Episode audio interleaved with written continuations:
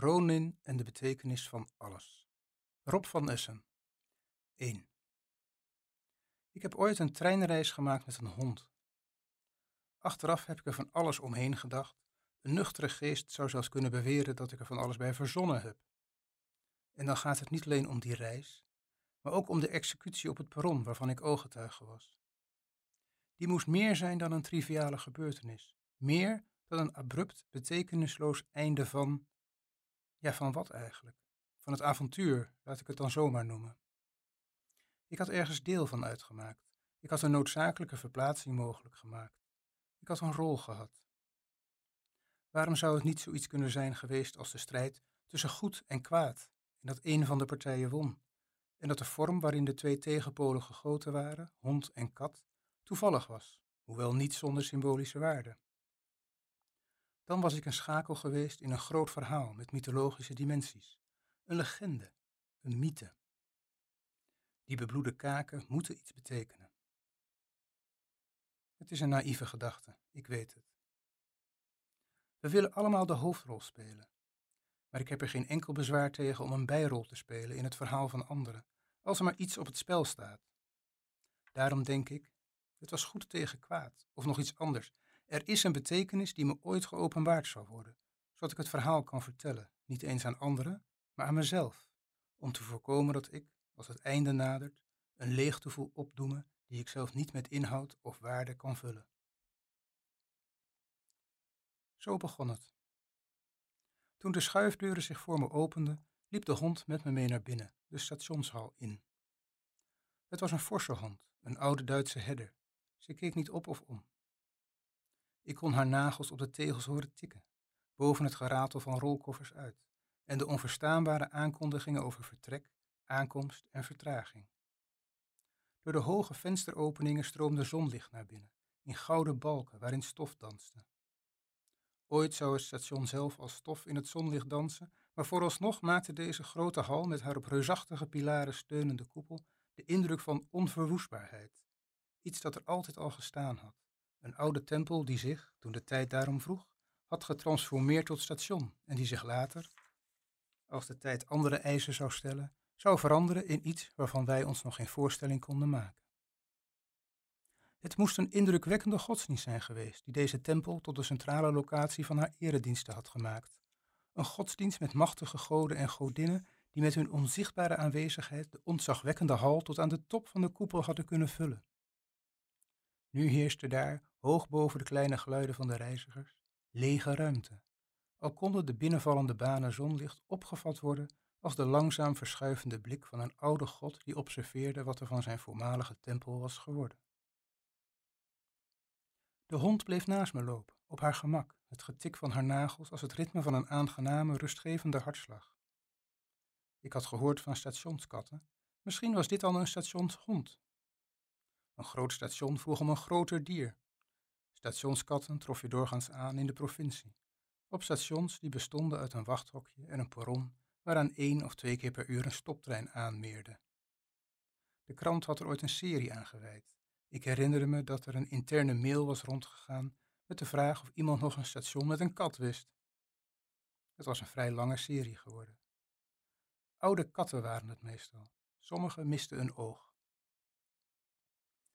keek naar de hond. Ze had beide ogen nog. Misschien moest ik mijn collega's van de stadsredactie waarschuwen. Wie weet zat er een verhaal in. Ik zag passanten naar me kijken, reizigers met koffers, studenten met grote bekers koffie. Ooit kregen die bekers wieltjes, net als de koffers. Daklozen die tegen de sokkels van de pilaren leunden of zaten. En terwijl die blikken mij volgden, mij en de hond, voelde ik me veranderen in een ander iemand. Iemand met een hond, Iemand die niet langer alleen was, iemand voor wie ruimte werd gemaakt. Het was alsof de hond me een geïdealiseerde versie van mezelf uitleende zolang ze naast me liep. Ze zou me zo wel weer in de steek laten en dat was maar goed ook. Ze droeg geen halsband. Elk moment kon ik erop aangesproken worden dat ik me tegen alle regels in met een loslopende hond in het station bevond. Maar zolang ze naast me liep voelde ik me goed, vol zelfvertrouwen, en ik bedacht dat ik deze stemming moest zien te bewaren dat ik voortaan altijd net moest doen of er een vierde herdershond naast me meeliep, overal waar ik ging. Eigenlijk was dat wel genoeg, zo'n klein maar hoopvol en toekomstgericht inzicht. Maar de dag was nog maar net begonnen en ik moest verder. Bovendien had de hond plannen. Dat ze niet zomaar tegelijk met mij naar binnen was gelopen, maar daadwerkelijk mij had uitgekozen, merkte ik toen ze zich tegen mijn onderbenen aanduwde, alsof ze me naar de rij kaartenautomaten wilde duwen die links van me stond. Nee, niet alsof. Ze duwde me inderdaad naar een automaat die vrij was. Voor de automaat bleef ik staan. Het moet een blinde geleidehond zijn, dacht ik. Een blinde geleidehond die mij onder haar hoede neemt omdat ze denkt dat ik blind ben. Blijkbaar had ik die indruk gewekt. Had ze me aarzelend en zoekend zien rondlopen? Dat was wel wat voor mij, moest ik toegeven, ook al kende ik de weg. Bestonden er baasjesloze blinde geleidehonden die zochten naar een taak? In het oude Japan had je rondzwervende samurais zonder heer. Opeens wist ik weer hoe die werden genoemd. Ik keek naar de hond. Zal ik je Ronin noemen? De hond, die nu Ronin heette, sprong omhoog en zette haar voorpoten op de rand die onder het scherm van de kaartautomaat liep. Oké, Ronin, zei ik, waar vind je dat ik naartoe moet?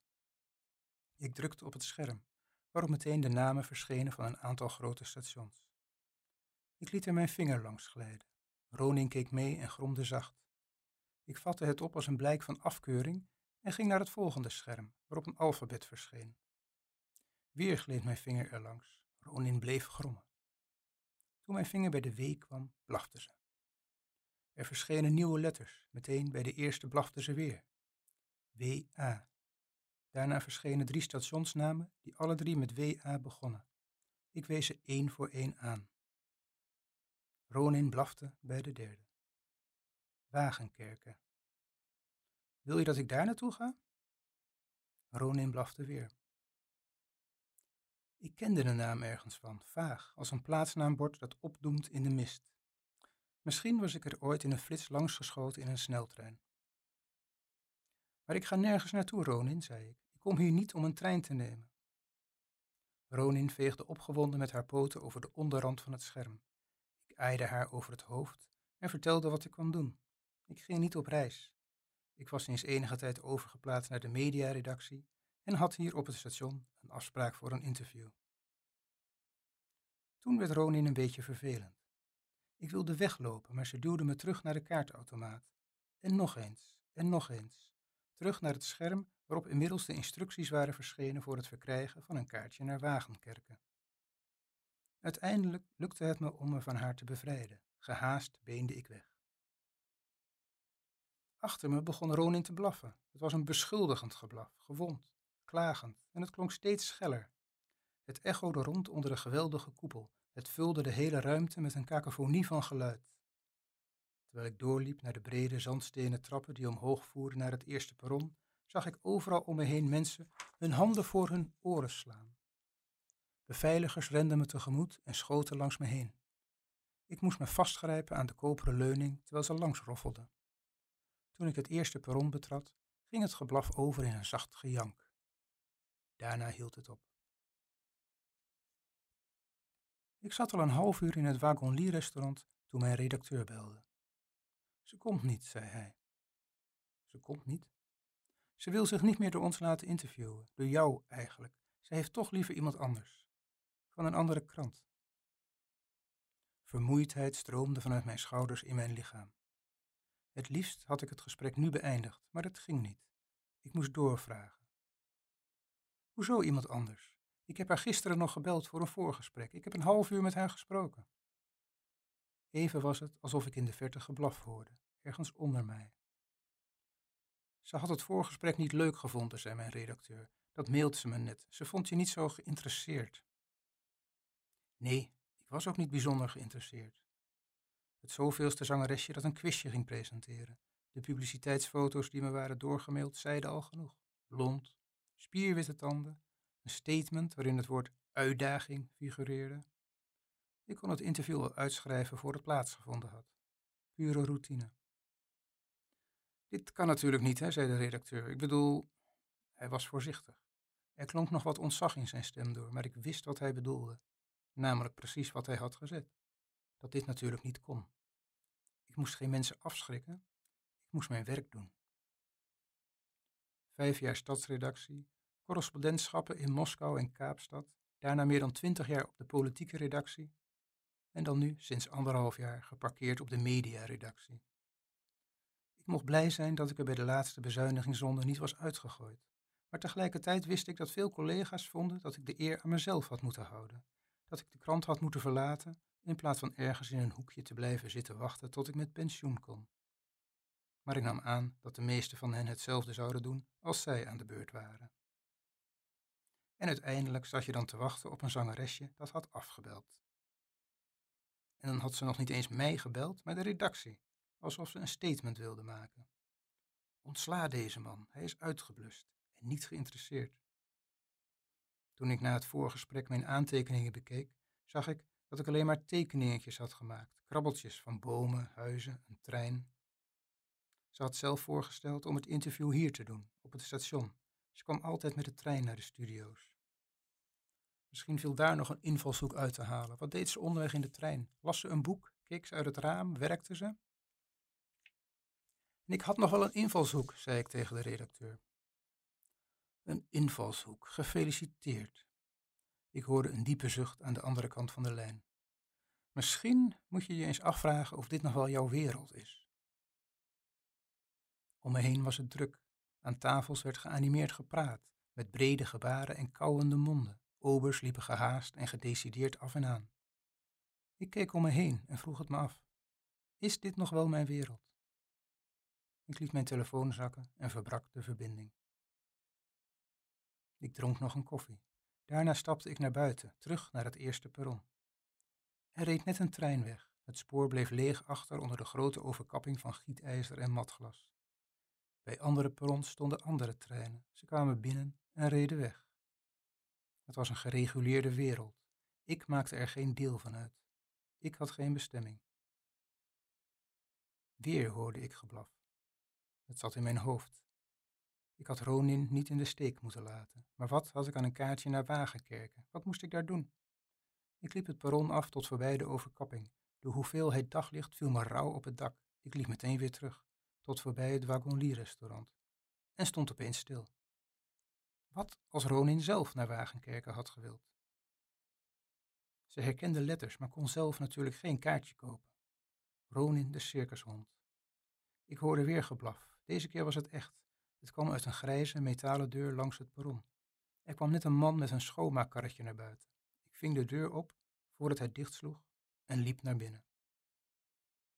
Ik daalde een hellingbaan af en kwam terecht in een stelsel van gangen met wanden en vloeren van grauw, onafgewerkt beton. Alles rook vochtig.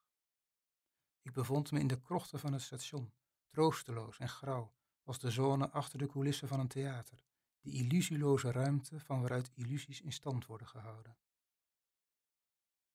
Misschien dat toen de eerste gedachte aan het avontuur in me opkwam. Ik kwam langs kamers met dozen en schoonmaakspullen. Ik zag kapstokken met uniformen. Zo nu en dan liep iemand langs me heen en mompelde een vage groet die ik dan met mijn eigen gemompel beantwoordde. In het licht van de TL-balken zag iedereen er kleurloos uit. Niemand was verbaasd over mijn aanwezigheid. Even speelde ik met de gedachte dat ik hier al jaren werkte en net wakker was geworden uit een droom waarin ik al decennia lang bij een krant werkte en een hond had ontmoet die kon lezen.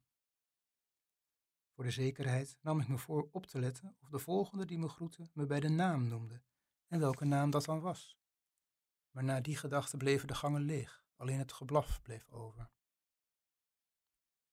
Hoe verder ik in het gangenstelsel doordrong, hoe harder het klonk. Ik liep een ruimte binnen waarin langs één wand een rij kooien stond.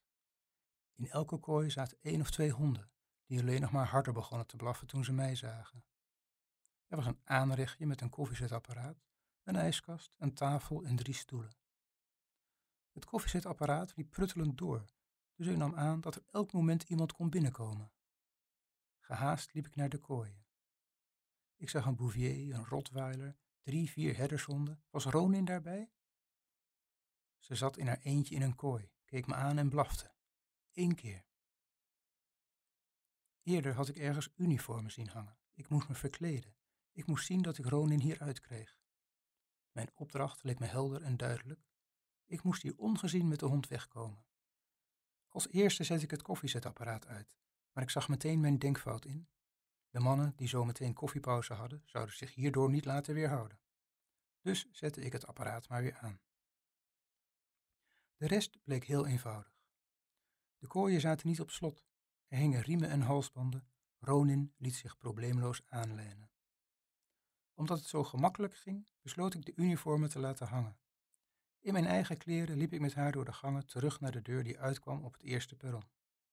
De mensen die me tegemoet liepen, mompelden hun naamloze groet. Eentje vroeg verbaasd of ik nu al wegging en of ik dan geen koffie moest. De stoptrein naar Wagenkerken had oude rijtuigen met raampjes die met de hand naar beneden konden worden gedraaid. Ronin stond op de bank met haar kop naar buiten. Haar tong flapperde uit haar bek, haar oren trilden in de wind. In de stationshal had ze rustig, zonder mee te kijken, gewacht tot ik mijn kaartje uit de automaat had gehaald, alsof ze er volledig van overtuigd was dat ik de juiste keuze zou maken. In de sneltrein had ze kalm naast me op de bank gelegen. Ook ik voelde me kalm. Ik liet de stad achter me met geen enkel gevoel van spijt, geen enkele twijfel. Toen we overstapten, kocht ik een beker koffie. Ronin kreeg een schaal water. Buiten gleden velden voorbij in de avondzon. Het licht was geel en vriendelijk. Ik probeerde me te herinneren waar ik de naam Wagenkerker van kende. Oude mythen, volksverhalen? Of was de waarheid prozaïscher en had het station gefigureerd in de serie over stationskatten? Zo nu en dan schoot op het andere spoor een sneltrein voorbij. Dan trok Ronin haar kop naar binnen. Eén keer keek ze erbij om en het was net of ze lachte. Zoiets kan vast niet, maar toch, dat traject in de stoptrein die hond met haar kop uit het raam, haar ogen dichtgeknepen tegen de wind en de laagstaande zon, het licht dat bijna oranje was, geweldig was het. Het had nog veel langer mogen duren. Toen we uitstapten, was het snel voorbij. Station Wagenkerken bestond uit een perron met een wachthuisje. Overal om me heen zag ik alleen maar velden. Van een dorp of stadje was niets te zien. Er was inderdaad een stationskat. Hij zat aan het eind van het perron met de rug naar ons toe. Als een pijl uit een boog schoot Ronin er naartoe en beet hem dood. 2. Natuurlijk was er meer dan dat. Natuurlijk was er meer betekenis. Alles heeft betekenis. Ronin beet de kat dood. Ik had haar naar de plaats gebracht waar het diende te gebeuren. Nee, zij had mij gebruikt om die plaats te bereiken. Terwijl ik stond toe te kijken hoe Ronin in de verte de kat, of diens lijk, heen en weer schudde, gleed aan de andere kant van het perron de stoptrein binnen die de andere kant op ging, terug naar waar ik vandaan kwam. De deuren gingen open en bleven openstaan. Niemand stapte uit.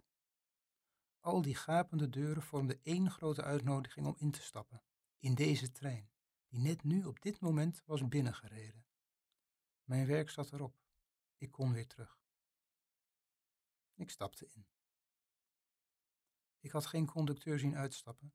Ook in de trein kwam ik niemand tegen toen ik door het gangpad liep.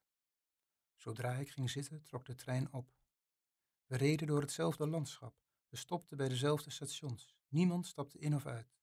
Ik stapte over op de sneltrein die me terugbracht naar het station waar vandaan ik was vertrokken. Of liever, waar vandaan wij waren vertrokken. Nu was ik alleen. Van het achterafperron waarlangs de trein was gestopt, liep ik naar de grote hal. Ik stond boven aan de brede zandstenen trap met de koperen leuningen en keek naar beneden, naar de drukte, en naar boven, naar de rust. Er viel geen zonlicht meer naar binnen. Achter de bovenramen hing het lichtroze licht van de vroege avond. De halfronde bogen tussen de hoogoprijzende pilaren, de koepel, de immense ruimte boven mijn hoofd, boven alles. Ik probeerde er de tempel in te ontdekken die ik er eerder in had gezien, maar slaagde daar niet in. Het bleef een stationshal. Wat kon ik doen? Naar huis gaan. Dat deed ik dan ook. In het Wagonlier-restaurant had ik een zangeresje dat een quizje ging presenteren moeten interviewen. Ze had afgebeld omdat ze liever met een andere krant in zee ging. Het had een nederlaag geleken. Haar weigering had tenslotte direct te maken met mijn voorgesprek met haar. Maar meteen daarna waren er andere dingen gebeurd alsof iets anders gebruik had gemaakt van de ruimte die in mijn leven was vrijgekomen door het afgezegde interview. Het mocht niet onopgemerkt voorbij gaan en diezelfde avond nog begon ik aan een verslag. De eerste zin luidde: Ik heb ooit een treinreis gemaakt met een hond. En na een hele nacht koortsachtig doorschrijven had ik mijn verslag af. Ik besloot het op te sturen aan de krant. Er waren talloze weekendbijlagen waarin zo'n verhaal kon worden ondergebracht. Ik kende nog genoeg redacteuren die nog enig respect voor mijn reputatie hadden, versleten respect ongetwijfeld, maar toch. Ik schreef een nietszeggende introductie bij het stuk, waarin de indruk werd gewekt dat het ging om een columnachtig artikel, een vlot genoteerde belevenis, luchtig en verstrooiend. Ik rekende erop dat niemand het hele verhaal zou lezen voordat het geplaatst werd, omdat geen enkele redacteur zichzelf een reden wilde verschaffen om het te weigeren. Bovendien hoefden ze mij niet voor deze bijdrage te betalen, omdat ik in vaste dienst was. Voor de ontwikkelde lezer bevatte het verhaal dan nog verwijzingen naar, hoe zal ik het noemen, geletterde zaken, zoals samurais, architectuur die zich op oude vormen baseert, de strijd tussen goed en kwaad desnoods. En als de redacteur van dienst onverhoopt zover zou doorlezen dat hem dit zou opvallen, zou hij die dingen misschien wel als een voordeel opvatten, of als iets dat in ieder geval discussie zou opleveren. Misschien was het meer iets geweest voor een literair tijdschrift, maar ik werkte nu eenmaal bij de krant en ik wist eerlijk gezegd helemaal niet of er nog literaire tijdschriften bestonden. Hoe dan ook, de publicatie van het stuk, want het werd, zoals ik had verwacht, op een zaterdag inderdaad in een van de talloze bijlages opgenomen, vergrootte mijn eenzaamheid alleen maar. Niet omdat er geen reacties kwamen, die kwamen er wel degelijk. De krant stuurde de mailtjes die binnenkwamen meteen door. Aardig, maar pretentieus stukje over een hond die een kunstje kan. Een mooie aanvulling op, of een definitief einde van, de serie over stationskatten die onlangs in uw krant te lezen was. Toen ik die reacties las, in totaal waren het er een stuk of tien, wist ik dat ik het verhaal voor mezelf had moeten houden. Dat ik iets dat ik niet had kunnen duiden van al haar waarde had ontdaan door er een stukje voor de weekendbijlage van te maken. Waarschijnlijk had ik onbewust gehoopt dat ik een reactie zou krijgen die me zou helpen met de duiding van het beschrevene, dat er iemand zou zijn die er inderdaad met mij van overtuigd was dat er meer aan de hand was geweest, of had kunnen zijn, dan de oppervlakkige gebeurtenis zelf, met een hond die een kunstje kan. Iemand die het verhaal al kende, misschien vanaf een andere kant, en het kon aanvullen tot het ook mij duidelijk werd. Maar dat soort reacties krijgen we nooit, omdat er niemand is die kan aanvullen wat wij meemaken. Hoewel. Het zangeresje reageerde ook. Niet via een door de krant doorgestuurde e-mail, maar met een berichtje op mijn telefoon. Las je verhaal in de krant, sms'te ze. Zullen we het gesprek nog eens overdoen, zelfde plek, zelfde tijd? We maakten een afspraak voor de volgende dag. Ze heeft iets in mijn stuk gezien waardoor ze van mening is veranderd, dacht ik, terwijl ik onderweg was naar het station. Ze heeft gezien wie ik ben, dat ik meer ben dan alleen maar een vermoeide, cynische medewerker van de kranten die alles al gezien heeft en nergens meer van opkijkt. Ik stelde de krant niet meteen op de hoogte van haar verzoek. Ik moest eerst maar eens aan haar vragen wat nu precies de bedoeling was. Of ze er alsnog van afzag om zich door een concurrent te laten interviewen. Dat bleek een goede beslissing, want het ging anders dan ik in mijn opwinding had gedacht. Opwinding, ja, zo mag je toch wel het gevoel benoemen waarmee ik door de stationshal naar de zandstenen trappen beende, zonder om me heen of omhoog te kijken. Ze zat er al. In het volle restaurant had ze een tafeltje voor twee weten te bemachtigen.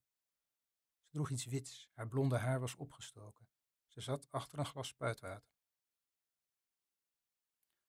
Je ziet er tevreden uit, zei ze, nadat ik was gaan zitten. Komt dat omdat ik toch besloten heb het interview te doen? En zonder mijn antwoord af te wachten. Dat is dan toch vreemd, want ik was toch dat zangeresje dat een quizje ging presenteren? Zo schreef je dat tenminste in je stuk. En dan bof ik nog dat je mijn naam niet noemde, zeker? Maar toch ben je blij dat ik nu met je wil praten. Ik zag het aan je toen je binnenkwam. Zo simpel zitten we in elkaar. Je kreeg een afwijzing en nu is dat goed gemaakt. Denk je. En ook al minacht je degene die je afwees, toch deed die afwijzing pijn. Ik wist niet zo goed wat ik moest zeggen. Dit ging een heel andere kant op dan ik had verwacht. Is dat allemaal trouwens echt gebeurd wat je schreef? vroeg ze, over die hond en de trein. Ik knikte. Vind je het dan niet interessant, zei ze, terwijl ze me aankeek met een glimlachje dat ik niet meteen kon plaatsen. Vind je het dan niet interessant dat je meteen nadat een quizjes presenterend zangeresje je heeft laten zitten, je de gebeurtenissen die volgen zo interpreteert dat je getuige bent van niet minder dan een strijd tussen goed en kwaad. Net was je nog vernederd, maar nu mocht je hierbij zijn. Je speelt er zelf een rol in. Terwijl, wat gebeurt er nu helemaal? Een hond beet een kat dood op een station. Een hond die kon aangeven waar ze naartoe wilde, zei ik. En toen ze dat deed bij de kaartenautomaat, had je nog niet afgebeld. Dus dat had niets met jou te maken, of met jouw afwijzing, of hoe je dat ook wil noemen.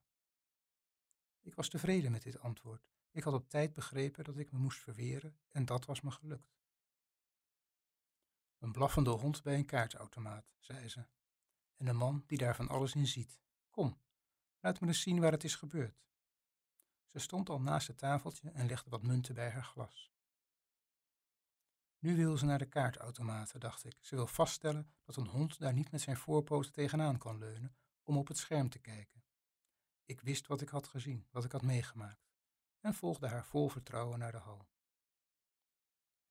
Was er nu maar een hond, dacht ik, toen we bij de trappen stonden en neerkeken op de drukte in de hal.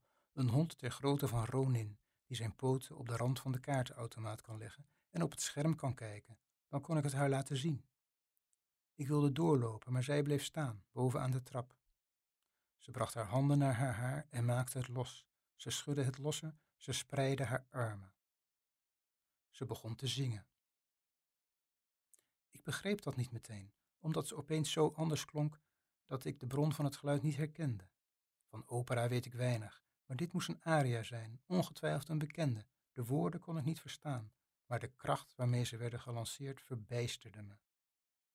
Het geluid spreidde zich uit in de ruimte, werd door elke noot van de aria weer van nieuwe energie voorzien, zodat het steeds verder reikte en een onzichtbare, steeds groter wordende bel van geluid vormde, die in stand werd gehouden door de krachtige, klagelijke melodie die vlak naast me ontsprong. Iedereen stond nu stil.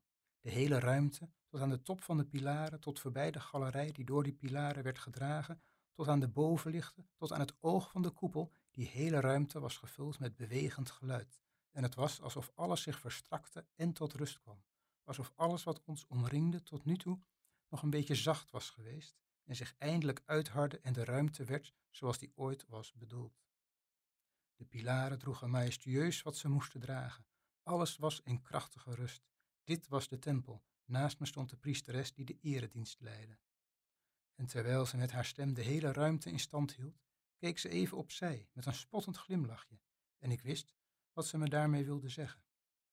Zangeresje? Meteen daarna richtte ze zich weer op de hal beneden haar, en ik hoorde honden blaffen in de verte, alsof ze waren gewekt door het gezang. Ze zong nog een laatste zin, een laatste woord, en terwijl het geluid langzaam wegtrok, daalde ze de trap af. Ze liep niet, ze schreed. In de hal klaterde applaus. Ik wilde haar naroepen dat ze even moest wachten, dat ik een hond zou halen en dat ik dan. Toen ze halverwege de hal was, veranderde het schrijden in wandelen. De applaudisserende mensen die een haag voor haar hadden gevormd, verspreidden zich. De tempel veranderde weer in een drukke stationshal waarin iedereen door elkaar liep. En daar ging ze, onopvallend tussen de rest. Zelfs haar haar had ze in de gauwigheid weer opgestoken. De honden blaften nog steeds, in de verte, onder me. De zangeres zag ik niet meer. Ook ik kon nu de trap afdalen, waardoor het gevoel naar de uitgang laten leiden om daarna op te lossen in de drukte van het stationsplein, waar het geblaf bleef aanhouden en werd zo dringend dat ik me omkeerde en naar het eerste perron liep, naar de onopvallende deur die naar de gangen voerde. Het duurde niet lang voordat iemand door die deur naar buiten kwam, een man in een overal met een emmer aan zijn hand. We begroetten elkaar en langzaam heen liep ik naar binnen. In de gangen hing nog dezelfde geur van vochtige steen. Ik liep de hellingbaan af in de richting van het nog steeds opklinkende geblaf, met grotere stappen dan eerder, als iemand die hier thuis was, die hier hoorde. En de mensen die ik tegenkwam groette ik met een imitatie van routine die zo vanzelfsprekend aanvoelde, dat al na een paar keer de imitatie verdween en de routine overbleef. Wel hoopte ik, net als de vorige keer, dat iemand me bij een naam zou noemen, maar dat gebeurde niet. Het geblaf leidde rechtstreeks naar de ruimte met de honden. De koffiekan stond te pruttelen op het plaatje. Geen van de gekooide honden was Ronin, dat zag ik in één oogopslag. De enige Duitse herder die erbij zat was oud en grijs. Ik ging op een stoeltje zitten en schonk koffie in een plastic bekertje. Terwijl ik het leeg dronk, kwamen er een paar keer mensen binnen, in overal of uniform. Stuk voor stuk begroetten ze me, maar altijd naamloos. Ze schonken zichzelf koffie in en verdwenen weer. Een geuniformeerde vrouw nam de oude herdershond mee. Ik stond op het punt haar naar Ronin te vragen, maar begreep nog net op tijd dat die naam haar niets zou zeggen. Ik bleef alleen over en dacht na. Ze had me de tempel laten zien, dat moest toch iets betekenen? Was ze zelf Ronin geweest? Waarom daarom alle andere honden gaan blaffen toen ze was gaan zingen? Ik bleef zitten. Er diende zich niets aan, geen enkele betekenis. Ik ging naar huis. 3.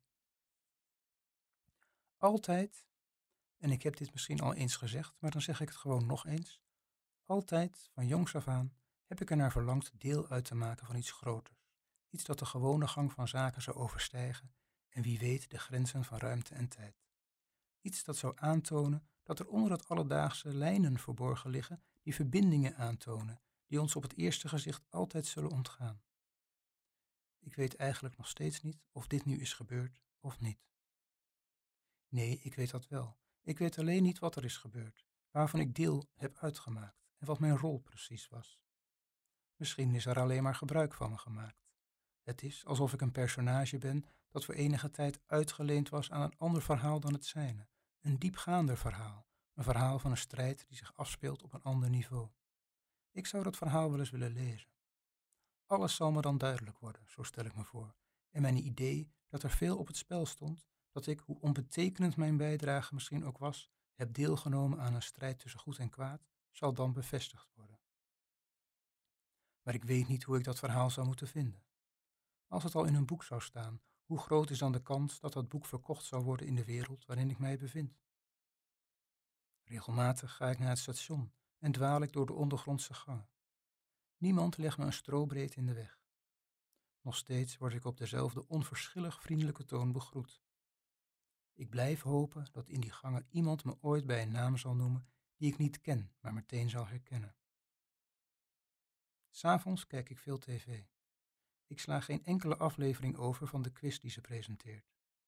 Ik heb haar een paar berichtjes gestuurd, maar daar reageerde ze niet op. Ze staat met opgestoken haar in een goedkoop decor tegenover drie deelnemers die rekenopgaven en kennisvragen moeten beantwoorden. Laatst vroeg ze: Waar ligt Wagenkerken? Ik schoot voorover en riep het juiste antwoord naar het scherm, maar niemand hoorde me. Ik deed niet mee.